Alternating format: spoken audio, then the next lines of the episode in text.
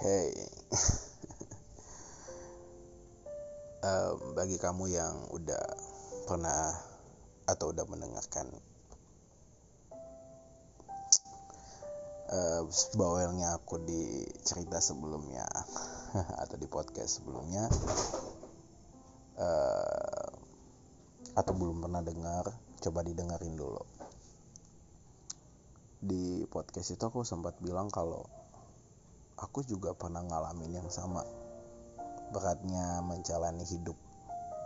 Ya bahkan di saat podcast ini saya buat saya lagi berjuang kok. Tenang aja. Kenapa saya begitu bersemangat untuk mencoba untuk meyakinkan kamu kalau hidup ini terlalu berharga dan hidup ini terlalu sangat berharga untuk diperjuangkan untuk tetap bahagia karena saya juga ngalamin kok sama dengan kamu sama dengan kamu. Saya juga berada mungkin ber, pernah berada di posisi kayak kamu gitu kan. Dan saya percaya kalau kamu bisa. Ini kejadian baru satu tahun yang lalu. Di mana semua hal harus berubah dalam hidup gua harus berada di situasi yang baru, di daerah yang baru, dengan tantangan yang baru. Tetapi karena saya adalah tipikal orang yang berani untuk ngambil tantangan, jadi saya merasa ya sah-sah aja kalau saya harus ngambil tantangan tersebut gitu. Tapi ternyata aku salah loh. iya, ternyata tantangan yang saya ambil itu saya nggak perhitungin baik-baik. Dan kamu tahu kenapa? Iya jawabannya adalah tantangan yang saya ambil itu ternyata nggak nggak seperti yang bisa kulakuin. Benar berat loh banget. Jadi awal tahun itu saya mengawali dengan sangat bahagia.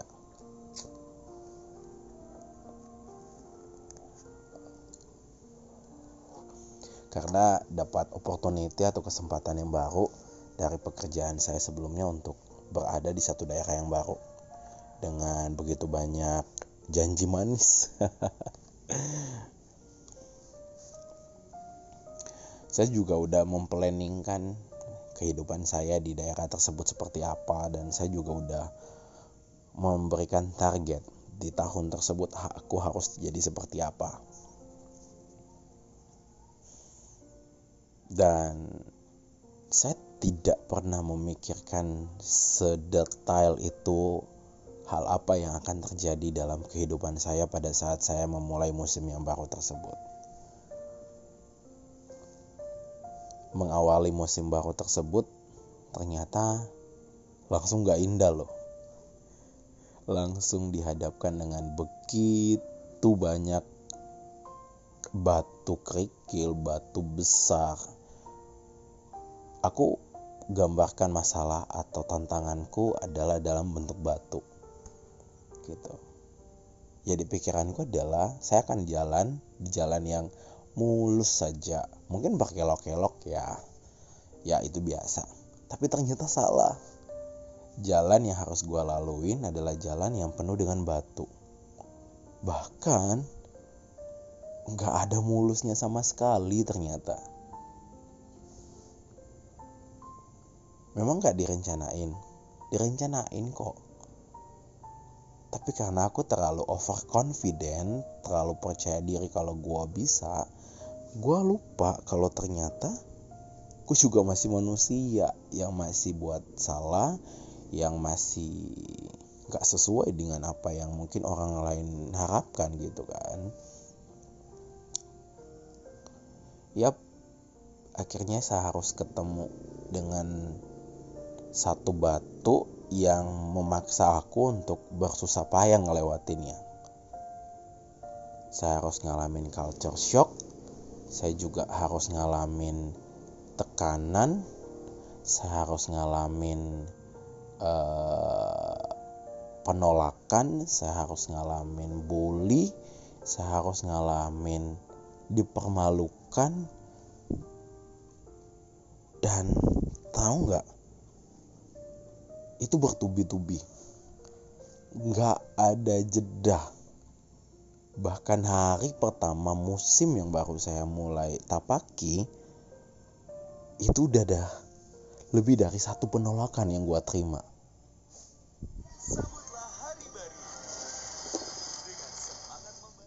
Iya, lebih dari satu penolakan yang aku terima.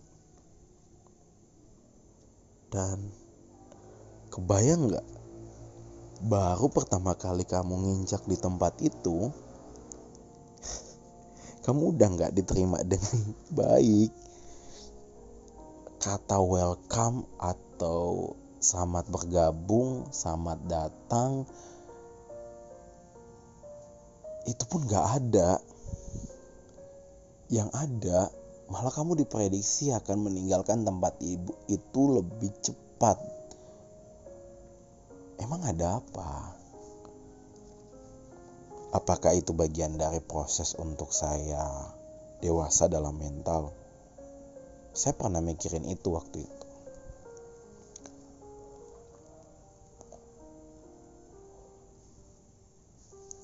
Akhirnya saya merasa oh, oke okay, I'm okay saya bisa dan waktu itu gue masih sangat overconfident sangat percaya diri kalau oh, oke okay, ini akan jadi tantangan bagi gue dan gue akan buktiin kalau gue akan bertahan lebih lama daripada yang apa yang kau sampaikan yang berjalannya waktu overconfidentku ternyata menutupi banyak hal yang tanpa gue sadari sudah merubah cara pandangku, merubah pola hidupku, bahkan merubah karakterku. Hari demi hari, tolakan, komplain, kritik, baik itu kritik membangun, kritik menjatuhkan, bully, aku rasain loh. Di saat aku masih berjuang untuk menyesuaikan dengan daerah baru dengan budaya baru dengan dengan cara kerja yang baru saya harus ng ngalamin beberapa hal tersebut berkali-kali. Eh ternyata itu malah buat mendidik gua untuk jadi saking perfeksionis. Ya backgroundku adalah introvert. Jadi butuh waktu kurang lebih tiga bulan lah biasanya saya baru bisa masuk nih di dalam satu lingkungan yang baru. Dan selama tiga bulan itu saya benar-benar berjuang. Dan bayangin di perjuangan saya selama tiga bulan tersebut saya sudah ketemu batu-batu gede tersebut. Capek banget. Ya tapi kan ini pilihan gue untuk ngambil musim itu dan aku udah komit untuk bisa jalanin musim itu dengan baik ya mau tidak mau gue jalanin dong. Gue tetap tetap maksa untuk untuk ada gitu. Walaupun ternyata hmm, mungkin salah deh. Ya udahlah ya ya. Saya lanjut cerita deh dulu. Malah menjudge diri gue sendiri. Oke. Okay dan ternyata selama tiga bulan awal aku berada di situ aku tidak sadar kalau ada yang aneh dengan diri gue gue merasa gue harus tampil oke okay, tampil perfect tampil tanpa celah dan gue harus tidak dikomplain tidak dikritik tidak ditolak tidak dibullying dan bahkan dari ujung kepala sampai ujung kakiku gue perhatiin banget demi tidak menerima komplainan dari siapa pun.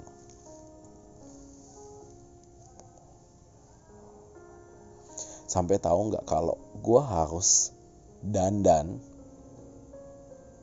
dandan cowok ya memilih baju untuk aku pakai untuk beraktivitas itu butuh berjam-jam hanya demi memperhitungkan apakah baju ini gue pakai ini akan mendapatkan perhatian atau orang ngelihat kok aneh atau gimana.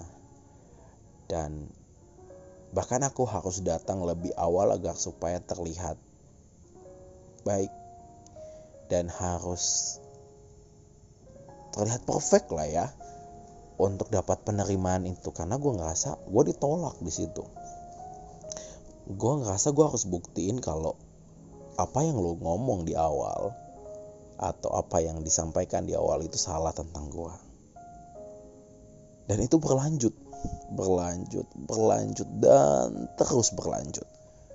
Sampai di satu titik aku mulai menyadari ada yang salah. Karena di titik tersebut saya sudah hampir menyerah. Iya saya hampir menyerah. Di titik di mana benar-benar semua pandangan saya sudah gelap.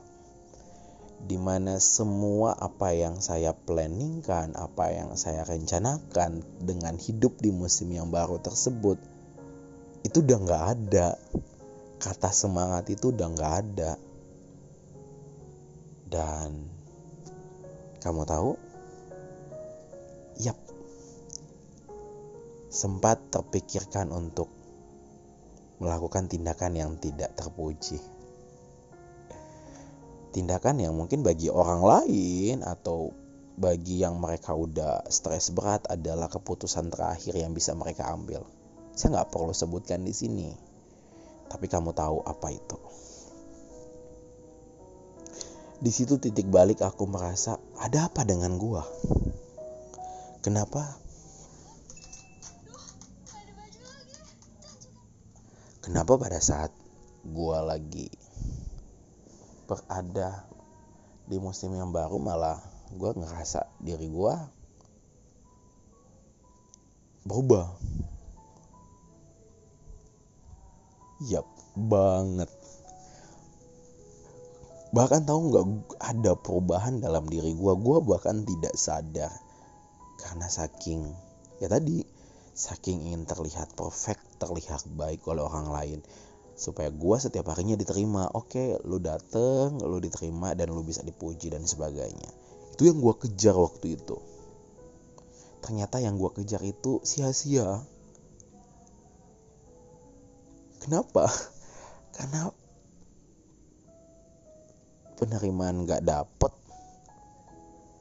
Malah komplain tetap ada masalah itu tetap ada dan oh gimana? Dan akhirnya ya udah di titik itu pun terjadi.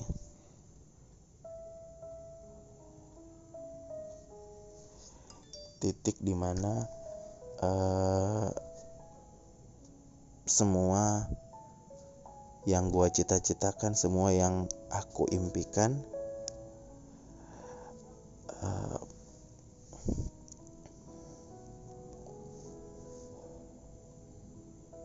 sudah berakhir. Dan aku mulai menyemangati diri gue sendiri. Gue bilang kayak gini ke diri gue kamu ngambil resiko ini adalah keputusan kamu bukan keputusan orang lain jadi kamu harus jalani resikonya, mau tidak mau. Atau kamu harus berhenti untuk berjuang.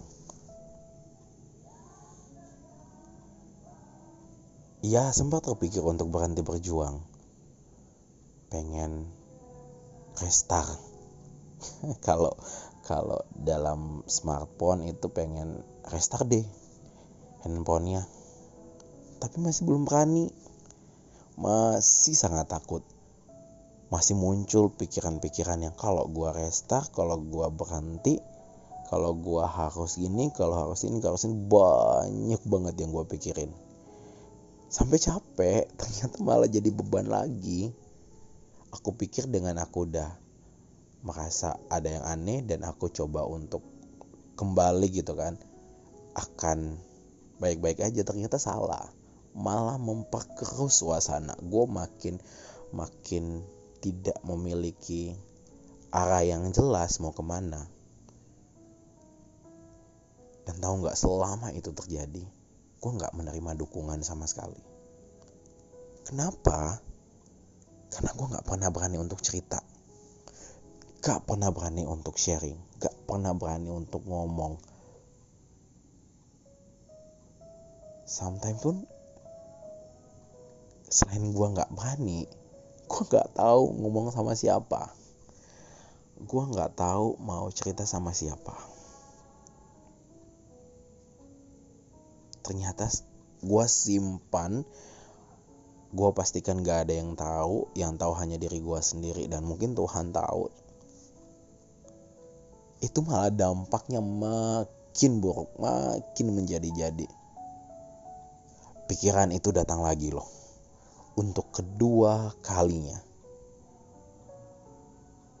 Pikiran untuk mengakhiri semuanya dengan satu kata itu muncul lagi. Aku makin takut. Kenapa dengan diri gua? Kenapa gua bisa mikirin hal seperti itu dalam kondisi seperti ini?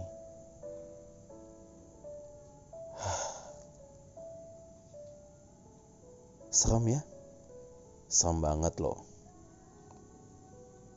Dan dengan overconfident guanya lagi gue nggak nyari orang untuk bantuin gue gue masih terus terus berada di situasi tersebut dan terlalu percaya diri kalau gue baik-baik aja. Gue gue nggak ada masalah kok. Nggak ada nggak ada yang salah dengan gue gue kayak gini gitu kan. Eh gue gue masih main ternyata makin hari ternyata masih ada masih ada yang seperti yang saya sampaikan di awal. Penolakan komplain bullying kritik membangun kritik mematikan dan apa pun itu masih ada ternyata.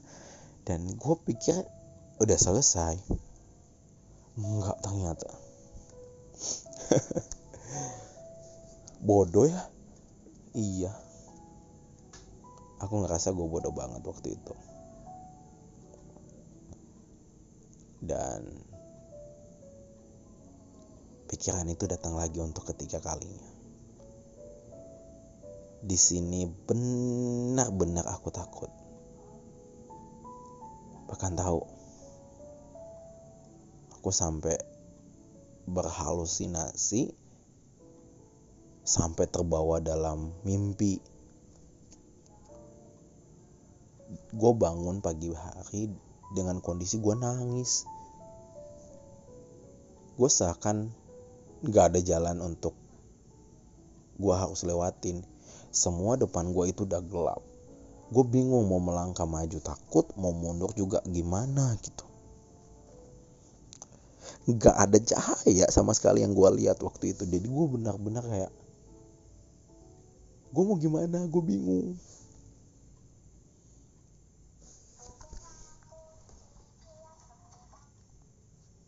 dan aku mulai untuk ya untuk memberanikan diri untuk check up. Udah kayak dokter ya. Udah kayak mau check up kondisi fisik. Aku mau check up mental gua. Ada apa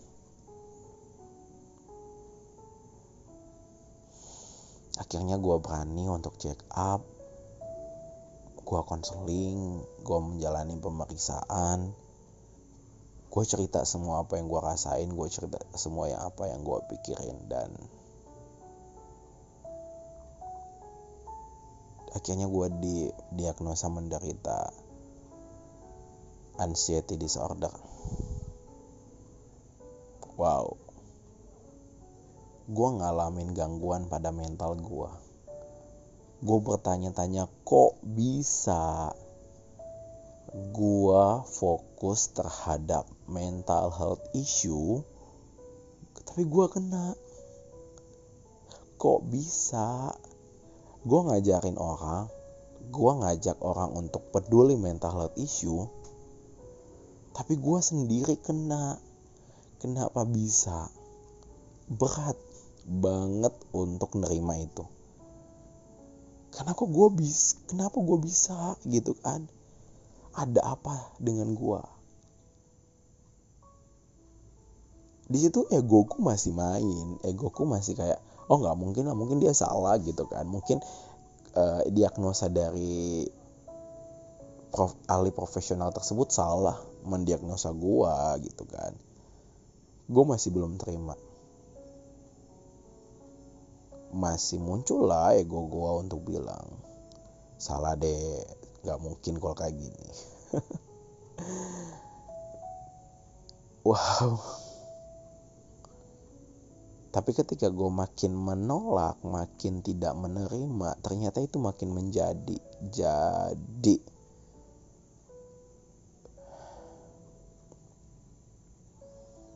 akhirnya aku mulai belajar untuk menerima. Aku berdamai dengan diri gue dan aku berdamai dengan anxiety gue. Ternyata itu lebih baik loh. Akunya bisa ngontrol, bisa memahami kalau apa yang gue takutin ini benar-benar harus ditakutin apakah ini ketakutan berlebihan atau kekhawatiran yang berlebihan yang sebenarnya nggak perlu dipikirin ternyata berdamai dengan diri sendiri itu penting loh ya dan butuh proses yang lama nggak semudah yang dibayangin butuh waktu yang cukup panjang aku bisa berdamai dengan diriku sendiri sehingga hari ini saya menerima dengan kondisi gua. Dengan kondisi tersebut malah saya makin tahu cara untuk handlingnya, cara untuk meminimalisirnya, cara untuk maintainnya agar supaya nggak perlu itu jadi gangguan dalam diri gue sendiri.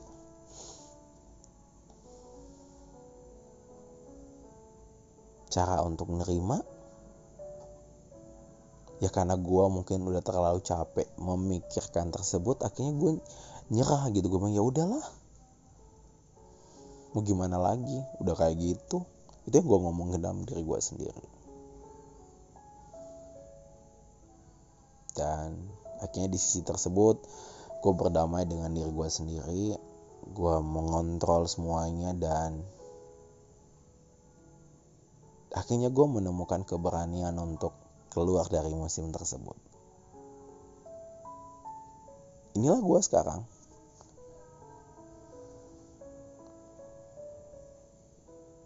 Dan kenapa gue berani untuk ngajak orang untuk ayo come on semangat semangat semangat semangat gitu karena gue nggak mau titik terburuk dalam hidupku yang nggak ada orang semangatin yang nggak ada orang yang ngerangkulku itu terjadi ke orang lain. Waktu itu Tuhan masih sayang aku untuk tetap membuat aku masih berpikir secara rasional dan gak mengambil keputusan aneh tersebut untuk dilakuin. Kok bayangin dong, ketika waktu itu gue malah mengambil keputusan itu dan melaksanakan apa yang terjadi. Kebayang gak? ya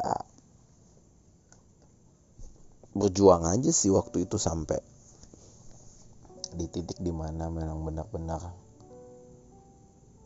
aku benar-benar capek capek banget dan kamu tahu setelah aku berdamai aku punya keberanian aku udah bisa ngeliat ke depanku lagi. Aku bahkan udah bisa berpikir jernih banyak banget yang selama ini tertutup sama kabut karena saking takut saking khawatir. Kok menjadikan takut dan khawatir itu dia di depan gua sehingga gua nggak bisa ngelihat dengan jelas apa yang di depan gua dan setelah kekhawatiran dan ketakutan itu aku bisa handling. Aku bisa ngelihat dengan jelas apa yang menungguku di depan. Yaitu masa depan. Apalagi? Dan yang menentukan masa depan itu sesuai dengan apa yang kita inginkan apa yang kita sudah impikan itu kan kita itu kan kita. Dan kalau um, kita harus memaksakan dengan kondisi yang tadi gitu kita nggak pernah nyelesain masalah tersebut. Kita nggak pernah masa nyelesain gangguan dalam mentalnya kita atau dalam dirinya kita. Gak selesaikan aku nggak kebayang apa yang terjadi hari-hari ini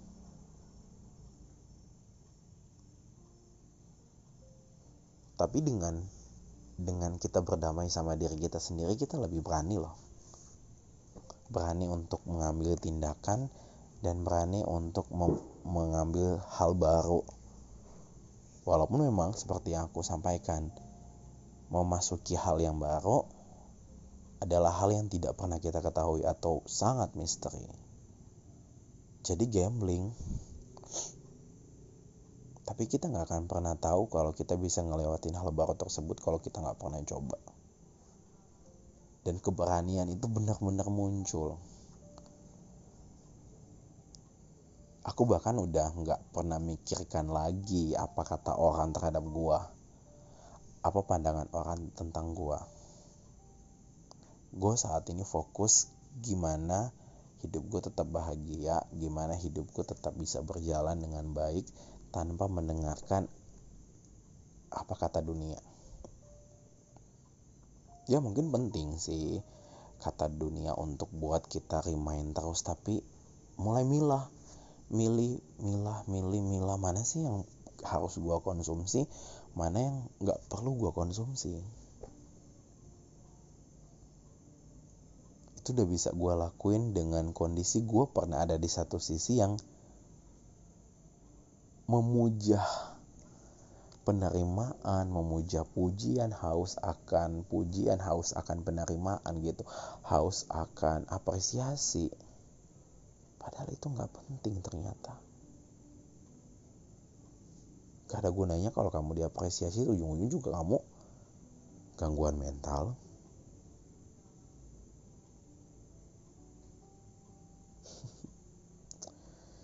ya itu cerita gue dan gue mau tetap bercerita. Gue mau tetap bawel. Ya gue nggak mau ada orang lain akan mengalami seperti gue kan lebih baik mencegah daripada mengobati. Benar nggak sih? Kalaupun udah terlanjur sakit ya berobat jangan dibiarin karena makin lama sakitnya itu makin parah loh. Dan kalau udah parah kan udah susah untuk disembuhin. Selagi masih ada masih muncul gejalanya doang mending kita selesain. Ya kan? Daripada dipikirin dipupuk sakitnya eh malah jadi penyakit parah nantinya. Dan kalau udah penyakit parah kan ya rugi kita juga bukan orang lain.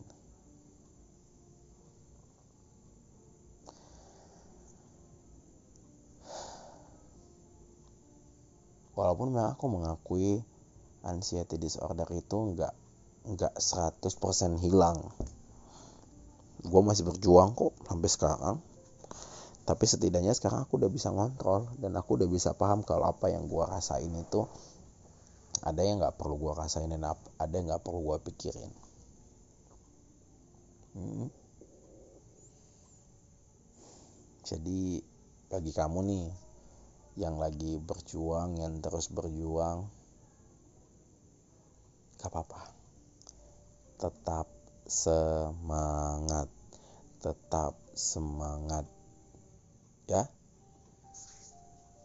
Jalannya masih panjang loh masih panjang banget tetap semangat aja dan terus apresiasi dirimu karena dirimu masih mau berjuang sampai saat ini oke okay?